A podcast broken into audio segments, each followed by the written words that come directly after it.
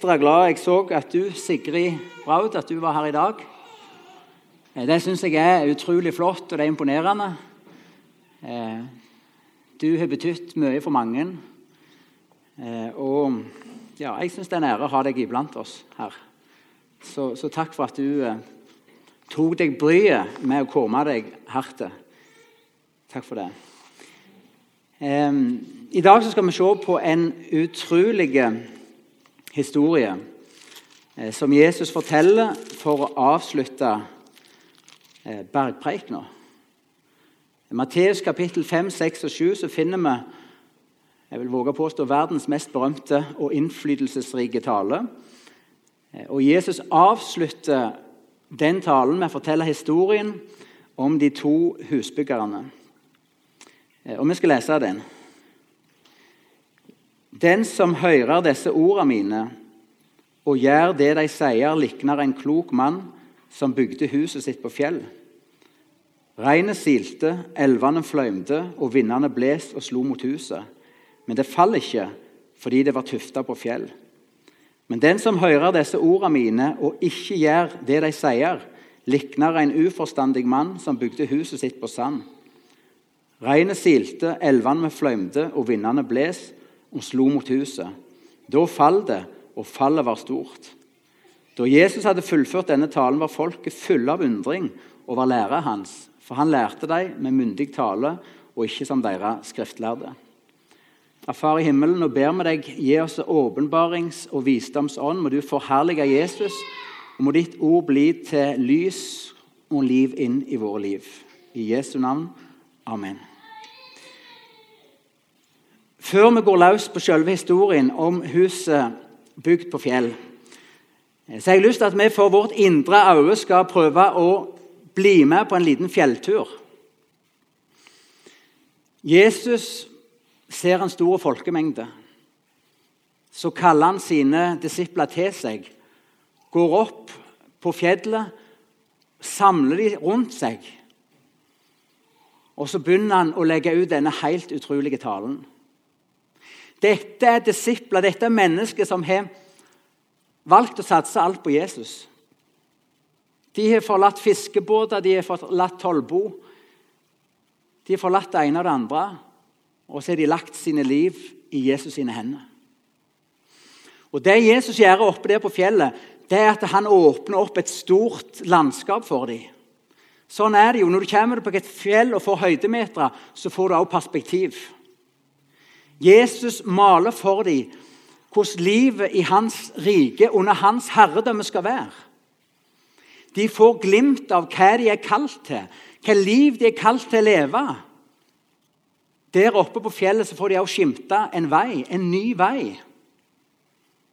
En smal vei som de skal få lov til å vandre på i hans fotspor. En vei som når helt inn i evigheten. For å forstå hvordan en tale slutter, så kan det være lurt å repetere hvordan han begynte. Og Det skal jeg gjøre nå helt kort. Jesus starter bergpreikena med å gi åtte kjennetegn på en disippel, på en læresvein, på en kristen, om du vil. Salige er de tålsomme. Salige er de som stifter fred. Salige er de som forfølges for mitt navn og for evangeliets skyld. Salige er de som hungrer, osv. Jesus gir åtte kjennetegn på den som går i hans fulle. Om du vil, så kan vi si dette er det jeg kalt dere til å bli. Dette skal mer og mer kjennetegne deg som min etterfølger. Og etter å ha gitt de åtte kjennetegn så fortsetter Jesus med å forklare hvilken funksjon en læresvein har i verden. Jo, dere er verdens lys og jorda sitt salt. Det er jo noen helt enorme dimensjoner over den oppgave, den funksjon en kristen kan ha i verden. Når disse åtte kjennetegnene preger og former ditt og mitt liv, så har vi en enorm gudgitte funksjon i verden. Vi er verden sitt lys og jord sitt salt. Vi skal kunne vise andre, Vårt lys skal vise andre vei til Han som er verdens lys. Vårt salt skal både forhindre nedbrytelse og forråtnelse, men også sette smak på livet for andre. Men så gir Jesus allerede her en liten advarsel. Men saltet kan miste sin kraft. Og da duger det til ingenting.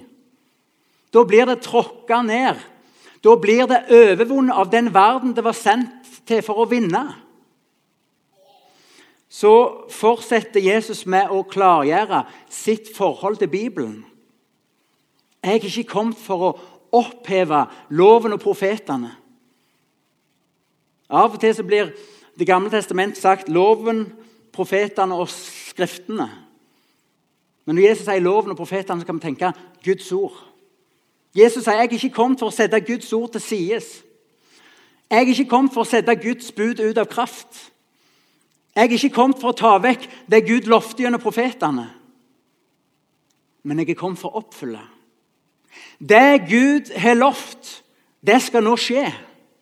Det Gud krever, det skal nå bli gjort. Og Så tar han også inn i denne klargjøringa av ditt og mitt, en disippels forhold til Bibelen. Vi er ikke kalt til å oppheve den. Men som vår mester er vi kalt til å oppfylle den. Til å holde fast på Guds ord og lære disse bud videre. Og Vi kan godt si det for å være i dette fjellbildet at Guds bud det er grensesteinene for den nye vei som Jesus kaller oss til å gå. Det som setter grensene for den smale vei som en disippel er kalt å gå, det er Guds bud. Det er noen grenser som, som er satt der for å velsigne og verne. Og Guds løfte det blir ledestjernene Stjernen som lyser og viser vei. Og Så sier Jesus noe som vi har litt problemer med å ta på alvor. Hvis ikke deres rettferdighet langt overgår de skriftlærde og fariseerne, så skal dere aldri komme inn i himmelriket. Jesus sier allerede fra starten jeg kaller dere til et nytt liv. Jeg kaller dere til å bli forvandla. Jeg kaller dere til å gå i mine fotspor. Og Hvis ikke det forandrer deres liv, så deres rettferdighet i livet blir en annen enn den hykleriske og påtatte fromheten som fariseerne og de skriftlærde hadde, ja, så kommer dere aldri inn i himmelriket. Tonen er satt her. Grensene er klarlagt. Dette er det jeg kaller dere til. Så fortsetter bergpreika fra Mattes 5, 21 til 7,12, hvor Jesus radikaliserer Guds bud. Så vi forstår at det handler om hjertet, det indre. Jesus gir oss nye mål for livet i plassen for å leve for å samle skattene på jorda. Så skal vi leve for å ha skatten i himmelen. Det er nye ambisjoner han ber oss om å gjøre til våre egne. Og I plassen for å la våre liv bli spist opp og øyelagt av bekymringer, så ber han oss om å stole på vår himmelske Fars makt og omsorg. Og I plassen for å søke å sikre våre egne behov og liv først, så ber han oss om å søke Guds rike først. Ting blir snutt på hodet der oppe på fjellet. Og så går Jesus inn for landing i bergpreikena. Og Det er da vi virkelig begynner å få se inn i evigheten. For bergpreikena avsluttes med noen store domsscener. Jesus er ikke redd for å si hvordan realitetene er. Jesus taler om de to veier. Smal er den vei, og trang er den port som fører til livet. Og få er de som går inn gjennom. Brei er den vei, og vid er den port som fører til fortapelse. Mange er de som går der. Her forstår vi det handler om en evighet. Det handler om å vinne livet eller gå fortapt. Jesus fortsetter med å advare sine disipler mot falske lærere, de falske profetene. Han ber om å kjenne og teste deres undervisning på hva frukter livene deres bærer. For sann kristen undervisning har den kraft at det forandrer både den som forkynner, og de som hører på. Prøv de på fruktene. Så går Jesus videre med å advare oss alle med å fortelle om falske og ekte læresveiner. Vet du hva, Dette syns jeg er rustende. Det er sånn Vi får det ikke helt til å gå i hop med snille, milde, gode Jesus. Sier du dette? For når Jesus tegner bildet av den ytterste dag, så sier han mange skal si til meg, 'Herre, Herre'. Har vi ikke gjort det ene eller det andre for deg? Men da skal jeg svare deg, gå vekk ifra meg, dere som gjør urett. På gresk så står det 'anomia', altså nomos. Det er loven. Dere som lever i opprør mot Guds lov og Guds bud. Jesus sier med dette at valgene vi tar, veien vi velger å følge, får konsekvenser. Og som en oppsummering og avslutning av det hele så forteller Jesus historien om huset bygd på fjell. Ser vi litt sammenhengen den er sett inn i? Den skal summere opp det budskapet han har gitt. Den knytter trådene tilbake igjen til starten, til det til å oppfylle Guds ord, Guds bud, Guds løfte. Jesus tegner her, For å ta lignelsen eller historien Jesus tegner her et bilde for oss av noe dagligdags og velkjent til å bygge hus. Og hus står i denne lignelsen for om du vil, det kristne livet som vi bygger og lever ut. Og Jesus tegner et bilde av to vidt forskjellige måter å leve kristenlivet ut på. Vi kan ta først alt det som er felles for de to husbyggerne. Begge bekjenner at de er kristne. Begge bekjenner, I Lukas' versjon av, av Bergprekenen står det ikke alle som sier til meg 'Herre, Herre', skal komme inn i min himmelske Fars rike. Og Jesus sier, 'Hvorfor kaller dere meg Herre, Herre', og gjør ikke etter det jeg sier? Men begge bekjente at Jesus var Herre. Begge kunne stå sammen under salmer og lovsang. Begge kunne knele rundt den samme alterring. Begge kunne be det samme Fader vår. Begge kan vi tenke var sikkert å finne i benkeraden når menigheten samles. Det var så mye som var likt. Men så sier Jesus at det er en grunnleggende forskjell på de to husbyggerne. Én bygger et hus som i møte med stormen, regnen, vindet faller fullstendig sammen. Og Dette uværet det er et bilde på den Guds dom som en dag skal komme og prøve ethvert disippelliv. Det ene detter fullstendig sammen. Det raser sammen. Om du vil, det blir underkjent av han som kaller oss å være hans etterfølgere. Mens det andre huset det blir stående. Det får Guds godkjentstempel på. Hvordan kunne det gå så fatalt forskjellig for de to disiplene? Jo, Allerede i starten så får vi jo nøkkelen. Den som hører disse mine ord og gjør etter dem, han ligner en klok byggmester, husbygger, som bygde sitt hus på fjell. Klokskap i Bibelen, klokskap i Mattesevangeliet, er å høre Guds ord og gjør etter det. Men tenker vi kanskje, men er ikke dette litt for sånn radikalt og satt på spissen? For ingen av oss hvis vi er ærlige, ingen av oss lever fullt og fullkomment etter Guds ord. Jeg skal gi dere et lite bilde her. Før, når en skulle bygge en, eller mure en mur og Vi skal ikke lenger tilbake enn at det fortsatt sikkert blir brukt. Jeg selv har brukt det. Så setter en to hjørner i vadder og lodd som var rettvinkla. Og så stramte en ei snor stramt opp over der muren skulle gå. Og så senkte en den snoren ned sånn at den bare var rett over der du jobbet. Og så var det sånn at når en murer, og jeg bygde lekamur på dette vis, så måtte en jo hele veien rette seg inn etter målesnora. Kom en litt ut av kurs, så måtte en få komme tilbake igjen på linja.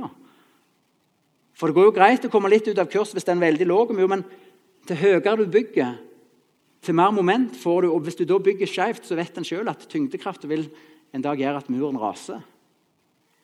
Sånn er Guds ord gitt til en disippel. Sånn er Guds bud sett som grensesteiner langs vandringsveien vi går på. For at når vi trør over dem, når vi synder mot Guds hellige vilje, så skal vi ikke leve i det, men vi skal vende om. Vi skal vende tilbake igjen inn under målesnora. Vi skal bekjenne. Og det Jesus sier, at i det lange løp Det er så to vidt forskjellige holdninger til hva Gud har sagt og befalt. Det fører til to forskjellige utganger på livet. En annen liten historie. Jeg vet ikke om dere har hørt om gutten som i sløyden på skolen fikk i oppgave å lage en seilbåt så nøyaktig som mulig etter den malen som ble utdelt. Etter noen timer så, så læreren til sin forskrekkelse at gutten hadde løst med hoggjedden og hammer på malen. Hva er det du gjør? Jo, han fikk det ikke til å passe. Vi kan smile litt av, av denne gutten i sløyden, men det er jo det som også er fristelsen for oss. Når våre liv ikke stemmer med det Guds ord beskriver, så har jo vi òg et valg hva det vi skal gå løs på. Skal vi få Guds ord og bud til å passe med våre liv? Eller er det våre liv som skal bli formet etter Guds ord? Denne historien om huset bygd på fjell den betyr veldig mye for meg. Nå skal jeg være litt personlig. For snart 20 år siden, ja, ca. 20 år siden så tok jeg tog ifra Stavanger til Bryne. Jeg var student på Misjonshøgskolen. En kveld, Sen kveld så ble jeg sittende på sida av to stykker fra Iran. Eh, vi kom i snakk, og det viste seg at de var kristne. Og Så sier de til meg at det er ingen problem å være kristen i Iran hvis du bare vil holde troen for deg sjøl.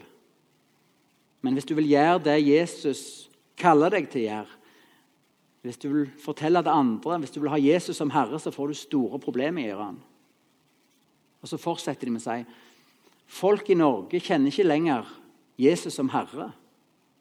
Det var deres observasjon og påstand. Og vi vil be til Gud for deg at du skal få bli et sendebud til ditt eget folk og fortelle at Jesus er herre. Jeg gikk av på Bryne, og jeg tenkte ikke noe mer på denne samtalen og togturen. Men etter seks-sju år så begynte det å skje noe. Vi hadde akkurat kjøpt gården oppe på Anda her på Klepp. Jeg hadde slutta som prest. Og jeg bestemte meg for at det første året som bonde så skulle jeg si nei til alle taleoppdrag. Og så skulle jeg heller lytte. Og Jeg hadde et sånn vær aleine-rom med Jesus oppå det gamle høgaloftet i huset. Det var nesten litt sånn som klesskap i Narnia. for det var ei åpen trapp opp på høyloftet. Der spigra jeg en sånn tjukk madrass. Jeg sneik meg bak der. Så var det som jeg var i en egen verden. Det året jeg så der oppe Ikke at jeg så det oppe hele året, ikke misforstå meg. Men det året, lyttende og med ei bønn om nå må du tale til meg, Jesus, så begynte et budskap å leve og brenne i mitt hjerte. Og Det var et budskap om at Jesus er Herre. Det var historien om de to husbyggerne. Og Da tenker jeg at iranerne fikk bønnesvar. Og de siste 14 år, 13 år så har jeg reist rundt over alt der jeg slipper inn, for å dele dette budskapet. At vi som kristne, når vi tok imot Jesus som vår frelser, så kan vi ikke takke nei og forkaste han som Herre. Frelse og etterfølgelse henger sammen. Det er et liv Jesus har kalt oss til å leve. Og Jeg tror at iranerne har ganske så rett i det de hadde observert og sa. Jeg tror at mange av oss som bærer kristennavnet, at vi i liten grad kjenner Jesus som Herre. Jeg skal gi noen eksempel på sånne holdninger som vi kristne kan ha i dag. Kom ikke her og si at Gud krever noe. Eller nåde for meg er at Jesus alltid er der for å tjene meg og møte mine behov. Og Det kan gå så langt at vi kristne vi bruker Jesus som en mur imot Guds vilje. imot Guds bud. For vi sier ja, men jeg er jo frelst. Jeg tror jo. Jeg har jo Jesus. Det er jo bare nåde. Så det er som vi sier til Gud ligger under livet mitt. Og i Judas brev, vers 4, så Judas skriver Det er et brev i Bibelen, altså. Judas brev, vers 4. Han skriver jeg skulle ønske jeg kunne skrevet til dere om den frelsen vi er sammen. Men jeg ser meg nødt til å skrive noen advarende til dere, ord til dere om å kjempe for den tro dere en gang for alle har fått overgitt. Og så kommer grunnen til dette. For det sneker seg inn visse mennesker iblant dere. Ugudelige mennesker, sier Judas, som misbruker vår Guds nåde til å leve et liv i utskeielse. Og de fornekter sin egen eneste hersker og herre, Jesus Kristus. Med andre ord, misbruk av Guds nåde fører til et liv på utsida av Guds bud og vilje. Og det er en måte å fornekte Jesus som herre på. Jesus var Guds lam som kom for å gi sitt liv. Han kom for å tjene og ikke bli tjent. Han gikk i døden for oss. Men på den tredje dag så skjedde det noe helt fantastisk. Av Faderens veldige makt og kraft så ble Jesus reist opp igjen ifra de døde. Herreveldet ble lagt på hans skuldre, sier Bibelen. Gud, vår himmelske Far, innsetter Jesus som hyrde og herre for sitt folk. Og det vil si, Hvis vi tok imot Jesus som vår frelser, så tilhører vi ham. Og Vi som kristne er ikke kalt til å finne vår egen vei gjennom livet, springe rundt som hyrdeløse sauer. Nei, vi har fått en hyrde og en herre som skal lede oss hele veien hjem. For snart 2000 år siden gikk Jesus rundt og kalte på mennesket. Følg meg, var de mektige ordene. Det var ikke sånn at Jesus sa til Peter, Jakob og Johannes Vær så snill, Peter. Ta meg med i båten din, ta meg med i livet. Jeg skal ikke mene mye eller kreve mye. Jesus sa, 'Peter, følg meg.' Lær av meg. Gå min vei, og jeg skal forvandle og forandre ditt liv. Jesus er den samme i dag. Han kaller oss på Fokus i 2020 til hver å bli hans etterfølgere. Frelse og etterfølgelse henger sammen. Og Det er derfor også at det både ligger en inspirasjon, men et stort alvor i denne historien som vi ser på i dag. Jesus har fortalt den for å sette oss på valg.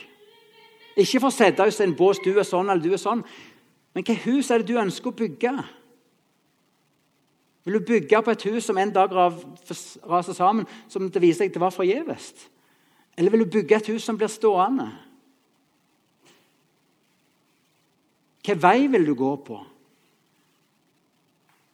Vil du gå på den smale veien som fører til livet? Eller vil du være blant de mange som går på en brei vei? Kanskje lett å gå på den her og nå, men den fører ikke til livet. Jeg er sikker på at det sitter så mange av oss, ja, kanskje alle, vi har en lengsel. En lengsel i oss etter å kjenne Jesus bedre. Vi har en lengsel i oss etter å få æren som Herre. Jeg har en lengsel etter Jesus, vær du herre i mitt liv. Og I dag skal vi bruke bergpreik når vi skal ta ut tre grunnleggende ting som Jesus underviser, for å se at dette er aktuelt i ditt og mitt liv. For at vi skal kunne leve med Jesus som Herre. For at vi skal bygge dette huset som blir stående. Det er det første punktet som jeg vil trekke fram. En læresvein en husbygger som vil bygge et hus som blir stående, han blir av Jesus utfordret til å ha en grunnholdning i livet om å søke Guds rike først. Jesus sier i bergpreiken i Mattes 6, 33, Søk først Guds rike og hans rettferdighet, så skal dere få alt det andre i tillegg. Dette er ganske grunnleggende. Jesus sier at Gud må få lov til å være Gud i ditt og mitt liv. En solid andreplass, en akseptabel tredjeplass, det er ikke plassen for himmelens og jordens skaper. Vi kan ikke forvente at Gud skal forvandle våre liv, våre hjerter, våre tanker, våre familier. Hvis vi hele veien bare gir han smulene, vi gir han restene. Hvis det var noe igjen av våre ressurser, vår lidenskap, vår tid, våre evner Når alle andre mennesker har fått sitt kakestykke, vi sjøl er mette, er det noe igjen som koster vi smulene til Gud, og så ber vi om et under. Det er ikke den veien Jesus kaller oss som læresveiner å gå. Vi er kalt til å søke Guds rike først. Og så kan vi få alt det andre i tillegg til det. Og dette, dette jeg sjøl gjort feil så mye. Vi kan være så flinke til å planlegge. Og Det er jo godt å ha en god plan. Men vi kan planlegge dagen, uka, måneden, semesteret, året. Av og til så legger vi egentlig en plan for livet vårt. Det er dette jeg vil uten for alvor å spørre Jesus hva er din plan. Hva er det du kaller meg til? Hva vil du med livet mitt? Men når vi har lagt våre planer, da kobles fromheten inn, så folder vi hendene og så ber vi om himmelens ressurser for å gjennomføre våre planer, så vi kan nå våre mål. Og Hvis det er sånn vi prøver å leve med Jesus, er det ikke løye om kristenlivet er et liv i frustrasjon og stengte dører. For han, han lar seg ikke bruke som en ressursbank for dine og mine planer. Men han har en plan for ditt liv. Han er ferdiglagte gjerninger for ditt liv. Han kaller deg til å gå i hans fotspor, til å gå den veien han leder deg på. Og Da har du løftene om en åpen himmel, da har du løftene om alt du trenger til liv og god gjerning. Når vi går hans vei, og ikke vår egen. Å søke Guds rike først, det handler grunnleggende om bønn. Ingen av oss kan bare ta seg sjøl i nakken og brette opp armene og si nå skal jeg virkelig gjøre Jesus til herre i livet mitt. Vet du hva, Det går ikke godt. Men vi kan få lov til å være ærlige med Jesus. Så kan vi si Jesus, du ser alt det som står imot deg og din vilje i mitt liv. Du ser ugraset i mitt hjerte. Du ser det som gjør at jeg så mange ganger velger meg sjøl først. Min vilje, mitt rike. Men Herre, rens meg. Beskjær meg, Jesus. Ta vekk de tingene i mitt liv som står din vilje imot. Gi meg ei villig ånd. Og så ønsker Jesus å svare på sånne bønner. Han ønsker å rense oss. Han ønsker å sette oss i stand. Det er bare han som kan helge seg til Herre og være Herre i våre liv. Men han er behagelig at vi ber om hjelp. Bli du, Herre. Kom ditt rike. Skje din vilje i mitt liv. Og Jesus vet at vi er hjelpeløse i oss sjøl til å få til å leve dette disippellivet i egen kraft. Jesus sier i Johannes 15.: Uten meg kan dere ingenting gjøre.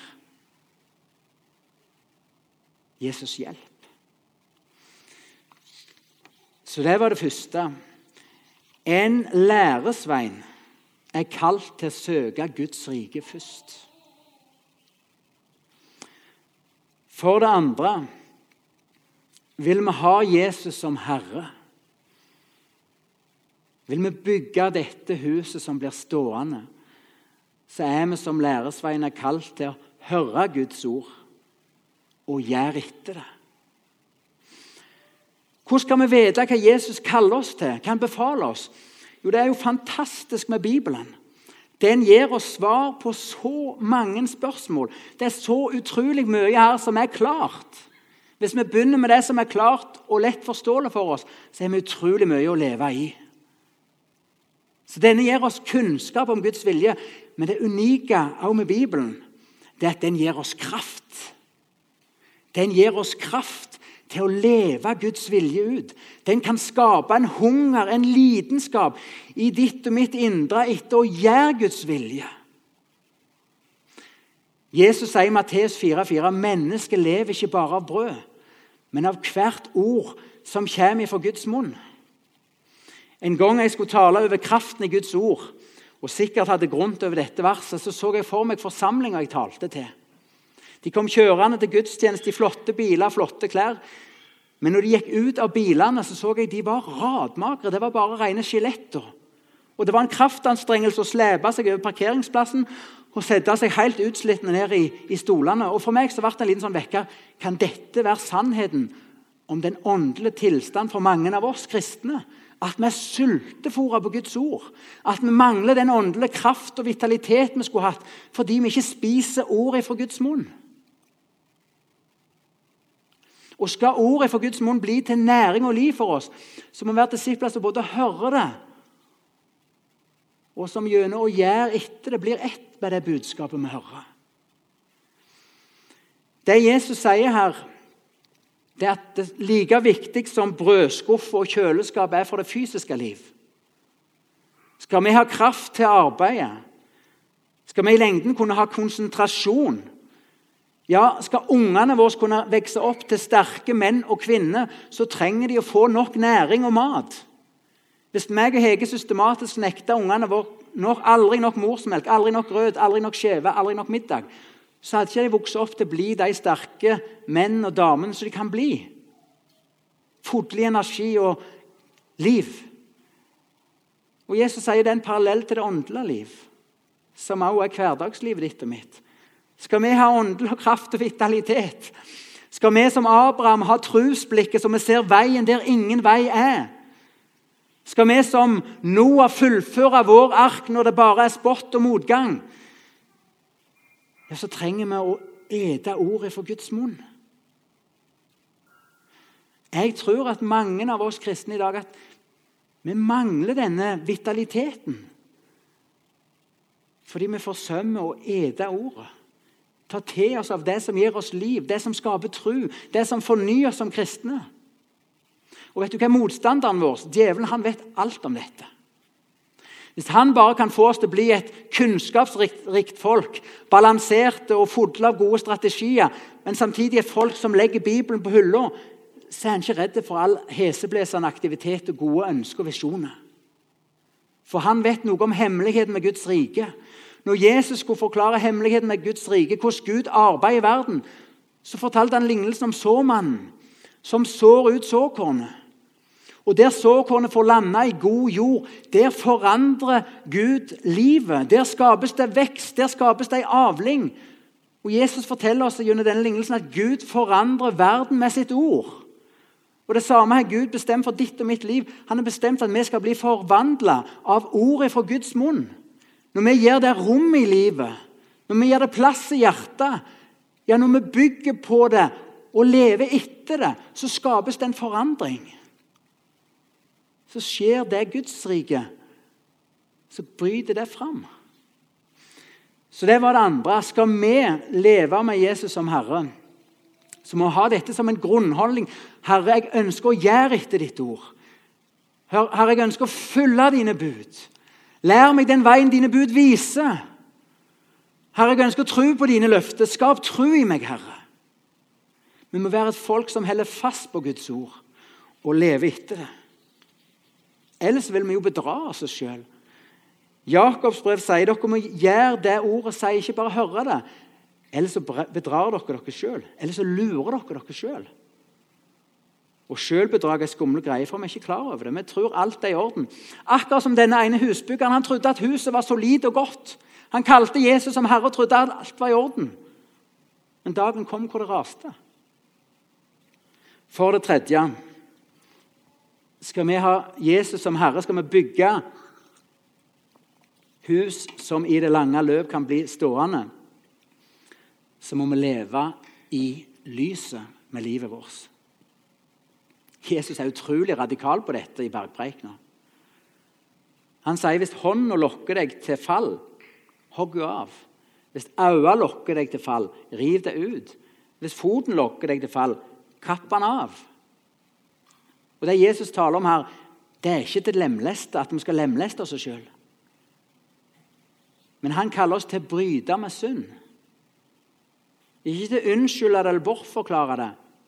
Og Hvordan bryter en kristen med synd? Jo, gjennom å bekjenne og vende om. Det er ikke så god latin nå for dagen å snakke om, om at vi skal bekjenne våre synder og vende om ifra dem.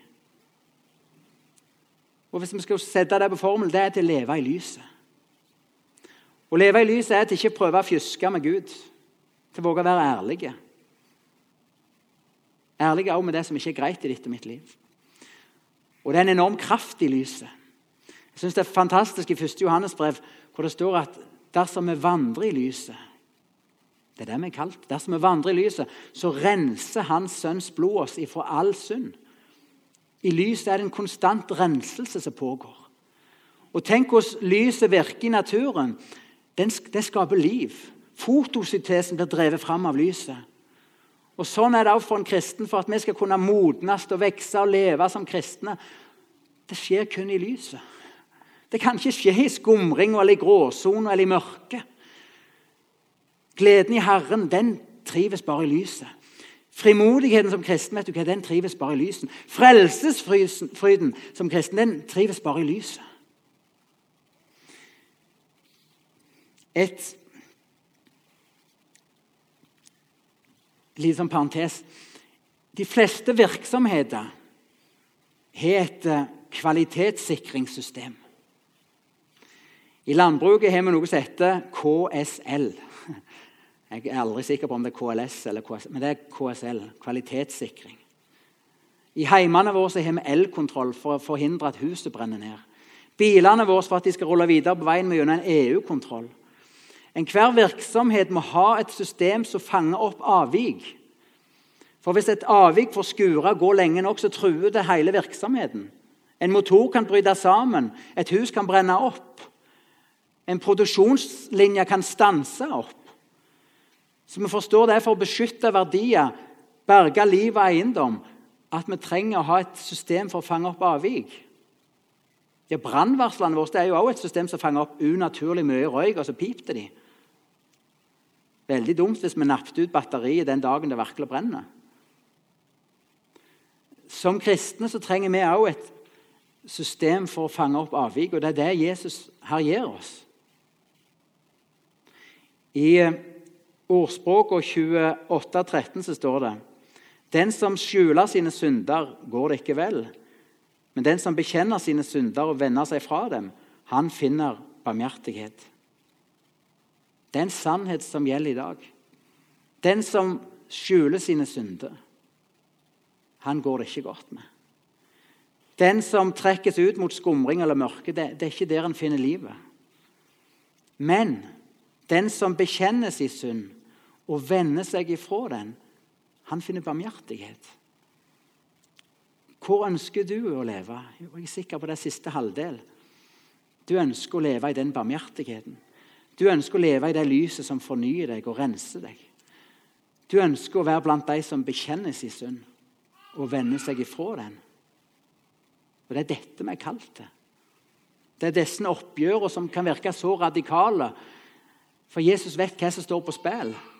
Det er en evighet å vinne og tape. Det er et hus vi skal bygge som skal bli stående. Mange er de. Det er sånn alvor i det Jesus. For Jesus sier på, på den ytterste dag skal mange si 'Herre, Herre'. De skal ha en høy bekjennelse. De skal være selv overbevist om at de er kristne, gode kristne som er på vei inn i evigheten. Og så skal Jesus si til de mange Gå vekk ifra meg, dere som gjør urett. Dere som har levd og hatt som livspraksis å leve i opprør mot loven. Jesus vet hva som står på spill. Jesus vet hva som har lurt mange det er at en begynner å unnskylde eller bortforklare. Leve i synd i plassen for å bekjenne og vende seg ifra. Og Det er også en grunnholdning vi som disipler er kalt å ha. Vi skal ikke elske synd, brudd på Guds ti bud. Det er ikke lovisk å vende om ifra synd, men det er bibelsk. For i Hans navn så skal omvendelse og tilgivelse forkynne for alle folkeslag. Så skal enden komme. Men jeg tror vi mista noe av dette arvegodset underveis. Jeg tror mange av oss i vår tid står i fare for å lulle seg inn i en kristendom der synd lenger ikke er farlig. Vet du hva, Når jeg er rundt med dette budskapet, så møter jeg både begeistring Takk Gud, vi har bedt om at noe sånt skal bli forkynt. Så møter jeg også de som blir rasende. De som freser, som forlater mest møte eller går rett etterpå når jeg legger fram dette alvoret. Jeg, jeg klandrer ikke deg for noe, men jeg, en ikke hørt det gjerne. En er i fred fått lov å bygge et hus der en har vært fri til å bygge imot det Jesus har sagt, imot de grensene Gud budsetter. Da forstår jeg godt at de blir irriterte for meg som kommer her og sier at det er ikke sånn det er. Men vi som kristne er kalt til å leve i lyset. Jesus kaller oss Nå skal jeg gå inn for landing. Jesus kaller oss gjennom bergpreika til å vandre på den smale vei. Til å bygge hus som blir stående. Og til å la våre liv og gjerninger bli forvandla av Guds bud og løfte. Jeg tror at den Jesus som møter oss i bergpreikena, kan være ukjent for mange av oss. Vi har hørt lite til han. Og For noen så virker Jesus sitt budskap i bergpreika som et høyt fjell som det er umulig å bestige. Jesus krever mer av oss enn det vi makter å gi. Vi kan slite oss helt ut hvis vi for alvor går inn i alle utfordringene som står i bergpreikene. Hvis vi prøver å bli de menneskene som Jesus har kaller oss til å bli. Vet du hva, Jeg har sjøl vært der. Jeg har slitt meg ut etter å leve et radikalt kristenliv. Og det hele gjorde jeg etter å ha møtt Jesus på ny. Hans kjærlighet og tilgivelse. Så vil jeg leve radikalt for han. Det som starta med begeistring, var fort sammenbitte tenner. Samme hvor hardt jeg prøvde, så fikk jeg ikke til å leve så hellig og rent som jeg ville. Og Hvis det òg er din erfaring, og det tror jeg er alle vår erfaring, at vi makter det ikke, så kan det være veldig fristende å tenke ja, men da mener ikke Jesus det han her sier i bergpreikena. Men da må vi holde fast på to ting på en gang. Jesus mener det han sier. Ord og utfordringene står fast. Men han hadde aldri tenkt at vi skulle prøve å gjøre det på egen hånd. Det kristne livet må aldri løsrives fra fellesskapet med Jesus Kristus. En læresvein kan bare lykkes i nye utfordringer når han lever sammen med Mesteren. Vi er og forblir elever i Guds skole, og Herren arbeider med oss.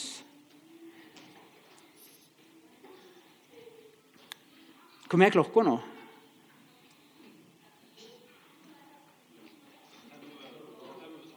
Fem og tolv.